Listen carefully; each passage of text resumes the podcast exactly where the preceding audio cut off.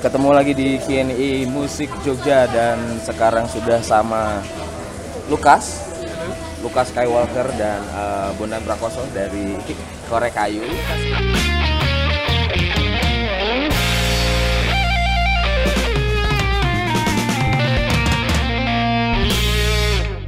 Itu kami sekarang lagi ada di Bejong, hujan-hujan, liatin orang, ngeliatin orang yang di depan manis banget. Oh. Iya. Ada tiga sesi nanti tiap 20 menit bakal bakal berhenti dulu soalnya biar bisa di save. Gitu. Halo guys. Halo. Mereka lagi menyiapkan album baru ya. Udah mau rilis 10 hari lagi ya. Sembilan berarti. 9 hari lagi. Uh, Babang Rangga oke. Apa judulnya? Romansa. Romansa. Romansa. Coba jelasin album barunya dong Romansa. Ada apa dengan Romansa? Sebenarnya album ini garis besarnya memang menceritakan romance antara dua orang yang eh, dekat dengan kami gitulah. Semua lagunya. Hampir semua sih. Kecuali ada satu lagu yang nggak anu itu karena nggak ada liriknya sih, instrumental. Ya. kayak gitu sih terus itu intinya jadi nyeritain dari awal si Yoga sama Sari ini ketemu Inisialnya Yoga sama Sari ya. udah tahu semua ya. jadi Sari Sari di di IP yang pertama itu Retro. ini kelanjutannya Retro Rika Ah, Metropolitan. ya IP yang Retro Rika ini kelanjutannya Hmm. jadi itu Sari satu ini nanti di album ada Sari 2 judulnya Sari 2. Nah, itu lanjutannya lah Terus terus? timelinenya gini jadi si lagu Sari satu itu sebenarnya ada di tengah-tengah nah di album yang baru ini kita tarik mundur lagi ke belakang pas mereka pertama kali ketemu kayak gitu Oke. Berarti alurnya mundur ya? Seperti Ah, ini ya. eh, maju di, mundur di dimundurin dulu terus maju, maju. Hmm. jadi Sari satu ada di tengah-tengah kayak gitu Konsep itu kalian dapatkan ketika eh, membuat Retro Rika Metropolitan 2012 ya? 14 Eh, 16 eh 2016 lalu Ah. atau baru sekarang? kalau untuk album ini baru belum dari dulu sih jadi 2016 kita belum kepikiran bakal mengekspan sejauh ini Ah. terus baru-baru ini kita kepikiran kita expand aja sih kisah ini dua orang teman kami ini Berarti kalian mempelajari juga, mempelajari lagi maksudnya yang di Retroporika, Retroporika Metropolitan itu. Eh, yap tapi cuman sebatas di lagu Sari aja Aha. kalau Sebatas yang eh, lagu-lagu yang lain kan nggak nggak maksudnya bukan satu kesatuan sama kisahnya Sari Yoga ini Hmm. di di Retro Erika maksudnya Ah. Nah, Cuma kalau ada satu lagu itu toh ya, berarti ya. satu lagu itu sendiri nah terus kita expand di full album yang sekarang Yang romansa. yang romansa Oke, berarti rilisnya itu tanggal dua berapa tuh? 13 Eh, 13. 13 nanti Kenapa 13 Maret? Eh, itu sebenarnya ada hitung-hitungannya si si Alvin Ah. jadi ada kayak Kembaran istilahnya, itu ya. eh, kalau orang mau nikah itu kan ada hari baik Ah. nah, semacam itu Ngitungnya gue beton kok, gue aduh kurang tahu. itu Alvin itu Alvin yang yang tahu. yang sangat magis menginginkan tanggal 13 itu. Ah, ah. ya Nggak, kalau kalau maksud yang lain aku nggak tahu sih maksudnya pas ada isu apa atau apa itu cuman hari baik aja menurut Alvin Hmm. jadi ada hitung-hitungannya entah oh, apa sih weton apa segala macam kita uh, nogodino kita kurang tahu Hmm. Lalu ada ini sih Dan. Eh, biasanya kan sekarang eh, orang lempar satu single buat pintu masuk ke album. ya Tapi kalian ngelempar empat produk kalau selalu tuh. Satu eh empat apa lima ya? Yang pertama tuh radio, video klip radio. Ah, Terus yang kedua Jogja. ya, audio juga Terus yang ketiga kecewa. Kecewa, terus yang keempat sepeda. Eh, pasar malam Eh pasar malam. lima sepeda baru Lima sepeda. Nah, setengah album setengah sendiri. album tuh kenapa dilempar dulu kenapa nggak ya udahlah ini kita rahasiain kita gini gini gitu kenapa Apa ya? Mission Impossible gitu loh biar anu aja sih Hmm. sebenarnya ya ini kayak kita kita tuh mau nggak mau kayak mengikuti perkembangan zaman Mm-mm. jadi untuk eh, ini menurut kita loh ya Mm-mm. untuk album eh, untuk lagu bisa sampai ke teman-teman dengan baik pesan dan ini- ininya apa musiknya itu butuh exposure yang gede. Nah kita berpikirnya dengan kita rilis satu persatu itu exposure per lagu itu bakalan lebih ini. Heeh. jadi minggu ini kita mendalami lagu ini dulu nih. Beda kan Oke. kalau misal satu album kita lempar langsung. Ah. dar gitu kan. Kayak orang masih ini ya apa Mau ya? dengerin yang mana ya? Aku mau dengerin yang mana dulu nih mau fokus yang mana dulu nih. Mm. kayak gitu. Nah kita kayak jadi kalau misal ibaratnya film ya film serial gitu lah. Aha. episode 1 episode 2 kayak gitu. Kayak gitu sih sebenarnya. Jadi lebih ke exposure-nya. Pengen orang lebih lebih fokus. Ah, lebih fokus sama satu lagu ke lagu yang lain. soalnya biasanya kan yang udah-udah nih ya ada album keluar Nah, memang beberapa orang sangat menikmati album itu secara full utuh gitu. Tapi kebanyakan orang dengerin satu dua lagu doang yang paling bagus. Singlenya doang. Oh oke. lagu-lagu yang lain kan kayak Dikesampingkan kayak ah, gitu. terpinggirkan gitu kan. Dan di album ini Hmm. celakanya kami terlalu pede dengan tiap materi yang ada. Jadi kami pengennya ayo dong tiap lagu ini harus kalian dengarkan karena ini bagus Kok bisa celaka? ya Celakanya. celaka celaka dalam tanda kutip, ya. Lah, dari lima ini deh, dari lima ini deh kalian berarti naruh naruh harapan atau exposure yang sama kan? Tapi kenapa radio dulu? Kenapa sih kalau itu sama ya? Kenapa Iya. radio dulu? Kenapa nggak kecewa dulu deh? Atau kenapa nggak sepeda? Eh, ngehook paling ngehook sih dan paling gampang kita pengen kalau kata orang kan first impression itu penting banget ya Hmm. kita pengen ngasih lihat ke teman-teman bahwa di album ini Hmm? impresi yang bakal ditangkap tuh kayak gini soalnya radio itu kayak mewakili keseluruhan mood di Lagu. album ah, di album oh, itu kok di lagu di album. kayak gitu jadi kayak rangkuman gitu lah Hmm.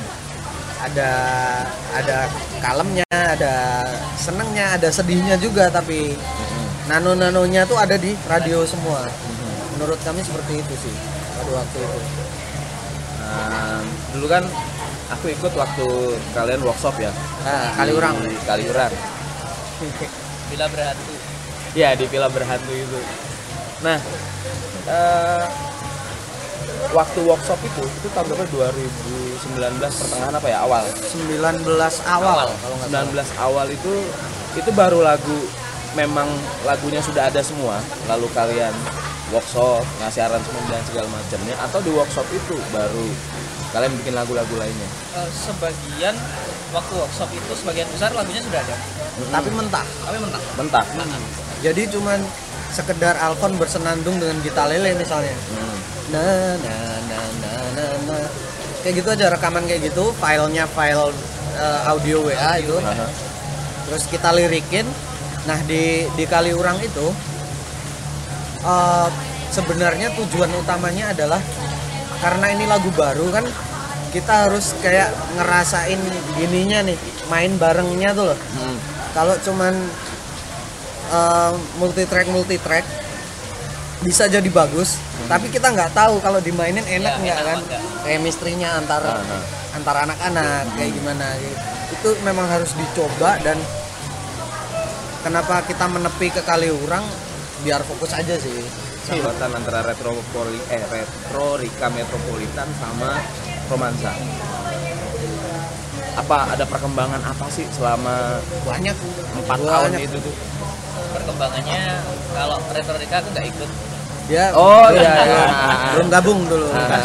tapi Lukas terlibat di produksi ininya dia tetap tetap tahu lah proses kita kayak gimana cuman dia belum sebagai player waktu itu dia sebagai responder ya berarti ya yang bikin video klip Sari itu ya itu kayaknya dia udah gabung sih malah oh iya kok udah main sekali ya Pak?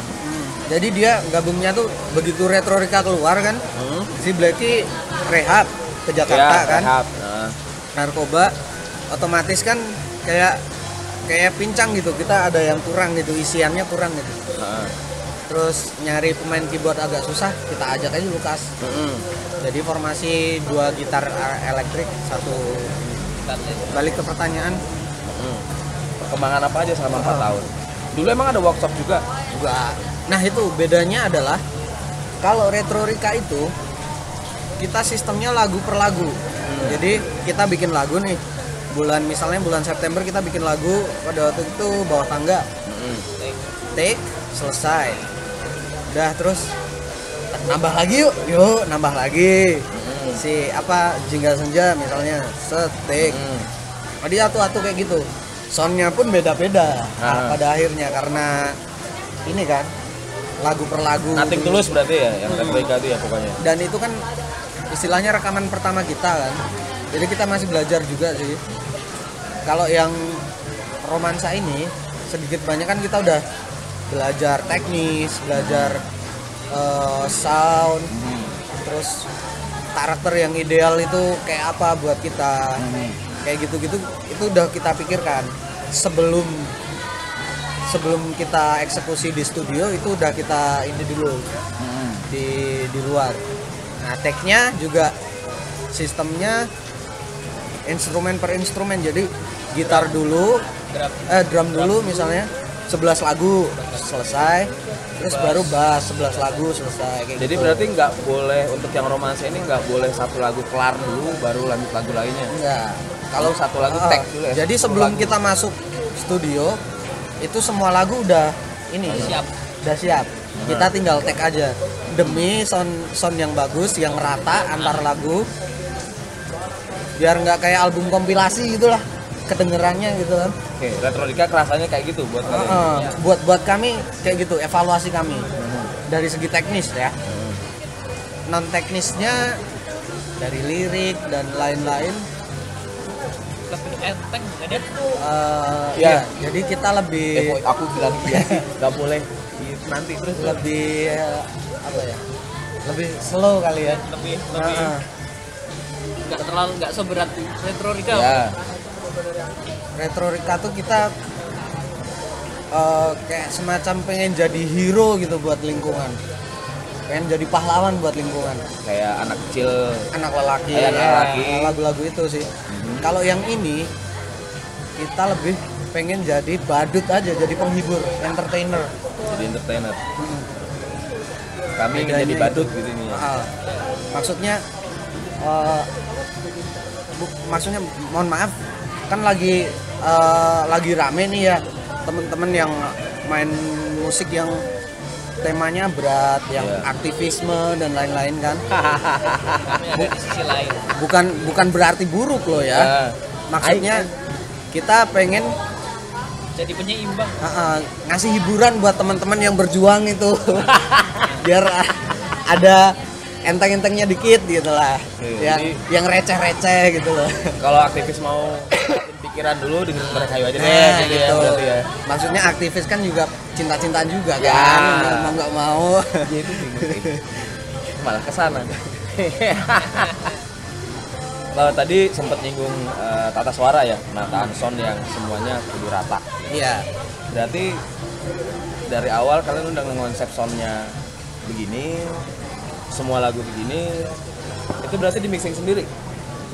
Mixing tetap Mixing tetap kita serahkan pada yang bisa, yang, bisa, maksudnya yang eh, yang yang berkompeten, pro, nah, yang si pro. Sasi kan yang mixing. Nah. Sasi ta, ekstra surat. Ekstra surat. ya. Cuma Oh, Mas Hasil dia- ekstra surat. Oke, Waduh. Terus terus, terus ah. Cuma waktu beliau memixing, kita juga ada di sana. Nah, kita kita kayak ngarahin gitu loh. Aku pengennya kayak gini. Terus si siapa? Sasi ngasih eh, Opsi. Opsi. Ini ada opsi kayak gini, ada opsi kayak gini, ada opsi kayak gini. Mana yang paling pas? Jadi kita kayak collab sih Ya, lebih jatuhnya. komunikasinya lebih Sasi kan yang lebih paling ngerti teknis, Heeh. kita yang paling ngerti lagu Lagu kita kita. mau kayak gimana. Jadi kalian nggak nyom pokoknya kolaborasikan. aku percaya kue nggak. nggak. enggak Nggak, per- kepercayaan itu eh, sebatas teknis tok berarti ya. Kita udah ada komunikasi ini segala Oh. macam. kita cerewet sih Nah, saya sih sebel juga kali ya itu soalnya kita gini oh ini kurang ini kurang ini kurang ini hmm. kayak gitu sih Kasih pun juga ngasih feedback ini kalau kayak terlalu kayak gini misalnya ini kurang baik juga pop maksudnya kan kaidah-kaidah rekaman yang baik kan dia lebih tahu daripada kita Oke. gitu sih Eh, kita bakal bacain komen-komen eh komen apa namanya? pertanyaan Pertanyaan. Tadi ada pertanyaan dari Mas Uya. apa nih Rada serius. apa nih Eh, kenapa korek kayu nggak gondrong aja? Personelnya nggak gondrong semua. oh shit pernah dulu tuh yang pernah gondrong saya aku Lukas Alfon Alfon Bagas agak gondrong Blacky Alvin yang belum pernah gondrong sebenarnya. Tapi Alvin pernah gundul ya? Kenapa nggak gondrong aja? Jadi sebenarnya kami ini pekerja kantoran sebagian besar. Pekerja kantoran yang kebetulan punya band ngeband gitu. Jadi eh, ada ya. ada batasan-batasan lah. Kecuali saya. Saya sebenarnya bisa gondrong karena saya nggak ngantor. Cuman nanti ditendang mertua saya calon mertua. Menurunkan besok kalau udah nikah gondrong tato bebas. Sudah dijawab gitu Pak Uya. Ada-ada aja nih Pak Uya ini. Jadi kita Em, tadi juga dari siapa ya? Oh seru banget ceritanya Mas Bondan. Kalian ngarang-ngarang eh, bukan ngarang cerita, apa memasukkan cerita antara Sari dan Yoga itu izin mereka nggak sih? enggak. Enggak. Enggak. enggak. Kal- kalau si Sari itu kita udah nggak ketemu semenjak 2016 eh 2015 16 lah. Jadi begitu dia lulus dia kan kuliahnya bener tuh. Udah hilang udah nggak nggak pernah lagi ketemu yang namanya Sari itu. Kontak kontak? Kontak juga sebenarnya kita kita korek kayu ini kalau sama Sari nggak nggak nggak yang kenal langsung gitu nggak? Sebenarnya. Ada beberapa yang kenal langsung cuman kita nggak yang akrab gitu. Bukan tongkrongan kita dia kan. Dia di pojok sana kita di pojok sini. Kalau yoga itu teman kita. Anak anak tongkrongan tapi sini. kalian dengan Sari tahu sama tahu kan berarti. tahu sama tahu sih Eh, kalau Sari nggak tahu sih tapi harusnya tahu lah ya harusnya tahu kan harusnya tahu karena beberapa kali aku sering memantau di Twitter Oh, jadi kan sempet hilang tuh si Sari ini. Ah, Terus Muncul lagi nih. muncul lagi di di sosmed di IG sempet muncul. mhm. Jadi dia ngikutin musik kita juga. Dia seneng juga dengerin lagu-lagu kita. Nah waktu Sari muncul, eh waktu Sari muncul itu gimana dia responnya? Waktu lagu Sari di Retro Rika. Dia nggak ngerespon secara langsung lagu itu. Maksudnya mungkin kita sama-sama tahu lagu itu tentang dia. Cuman kayak eh, awkward lah kalau diomongin langsung gitu. Oh. Ini lagu tentang aku gitu kan nggak Oh, mungkin kan. ya. ya gitulah pokoknya nah kalau si yoga nih marah-marah dari dulu aku kasih tahu kan si yoga nih Mhm. yuk album ini nanti ini kita dedikasikan kamu sama Sari marah-marah lagi bajing Marah dalam arti ini ya. Eh, Marah guyon apa sih istilahnya kalau kita ngomong? ya 50-50 Nah, sebenarnya. Seb- Nah, Ada sebel- senengnya juga pasti. iya ada senengnya juga yoga ini kok kadang bantuin kita juga kalau kita ada live gitu Hmm. manggung bantuin nge-crew gitu Nah Yoga sama Sari ini belum berkeluarga. belum dua-duanya belum. Sepertinya belum. Hari belum kayaknya belum. Belum juga, Yoga juga belum juga. yoga juga. belum. Sari sepertinya belum juga belum. Eh, yoga jelas belum. Jelas belum. kalau Sari bener-bener kita nggak tahu kabarnya soalnya. Nah, itu punya punya punya imajinasi gitu ya. nah, Ini kok eh jangan-jangan eh, Korek Kayu ini punya misi katakanlah ketika ketika merilis dua episode ya dua episode kisah Sari itu Sari satu Sari dua. Eh, siapa tahu nanti Yoga dan Sari ini bisa bertemu lagi gara-gara lagu kalian. Amin. Kalau itu sumpah Atau kami aminin. Ini upaya untuk mempertemukan keduanya atau upaya untuk eh, keduanya mengingat-ingat masa lalu waktu kuliah terus tiba-tiba kontak-kontakan. Lu punya misi rahasia apa sih? Emang begitu apa gimana? Eh, harapan ada. Maksudnya bakalan lucu nggak sih kalau itu bener-bener kejadian gitu. Eh, walaupun realitanya mungkin agak sulit sih. Karena Karena satu dua hal yang nggak perlu lah di share. oh biar jadi milik mereka aja ya. Ah. Wah sok-sok anda kan. Terus terus. Tapi kalau kejadian, buh, cuy ini Kalian adalah kawan-kawan yang paling pokoknya. Iya, jelas lah. jelas. Kami adalah oh, Kalau itu kalau itu bisa beneran Iya. Nah lantas istimewa apa kisah Yoga dan Sari ini jadi jadi teman-teman angkat bahkan jadi satu album dua dua album malah. Istimewanya itu Hmm.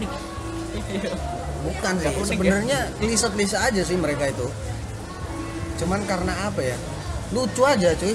Mm-mm. Jadi zaman dulu itu kayak anak SMP gitu lah. Kenapa? Jadi itu kan sari satu tuh sebenarnya kita ngeledek tuh semi-semi ngeledek gitu. Mm-mm. Itu ya karena gemes aja lucu itu kayak anjing lah kayak anak SMP nih. Iki wes sah kuliah tapi masih Nah, isi-isi ya lah, kayak gitulah. Aku kuliah kan udah lain kan beda kan. Sekarang bertebaran fuckboy lagi Oh iya. yang modelnya kan kalau sekarang lebih direct gitu.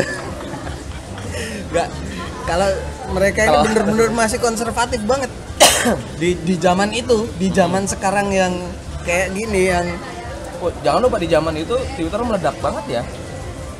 waktu itu ya. Waktu itu. tahun itu Twitter Tahun ya. itu Tapi waktu itu Facebook mereka Oh, Facebook. ininya pak makainya Facebook. Habis itu Twitter. Jadi eh, peralihan itu. ah, antara Facebook ke Twitter. Zaman-zaman itulah 2011 12 mungkin. Hmm. Sekarang udah. Kayak misalnya contoh contohnya kayak gimana yang yang konservatif tuh? Mereka tuh Enggak misalnya pakai surat kah gitu? Enggak, kalau pakai surat nggak tahu Nggak, sih. nggak, nggak tahu. Maksudnya Mungkin ada terus Yoga kamu cerita kali. si approach-nya yoga tuh kayak gimana kita kita nggak nggak ter itu rahasianya dia dan dia cuma dia yang tahu. Mm-mm. Tapi kalau misalnya ketemu langsung deh, dua-duanya ada nih di kantin. Mm-mm. Ya kayak gitu. Ini anjing 80 90 banget. Nggak yang anak zaman sekarang kan berani banget kan cuy. Eh, kenalan dong. eh, ada cewek pacarnya bentar dong gitu ya. Samperin. apa di, di dikasih apa ngasih surat via waiters lah Ya. kayak gitu kan Heeh. mereka enggak cuman ah gitu kontaknya tuh telepati kali ya kebatinan. Mata berarti ya. ya mata pun paling ketemu bentaran Ciri-ciri. doang kayak gitu Oke teman-teman, eh, itu dia Q&A dengan eh, Korek Kayu yang diwakili Bondan dan Lukas. Sampai ketemu lagi ya minggu depan lagi. Oke, bye bye. Bye, thank you banget. Sampai jumpa lagi.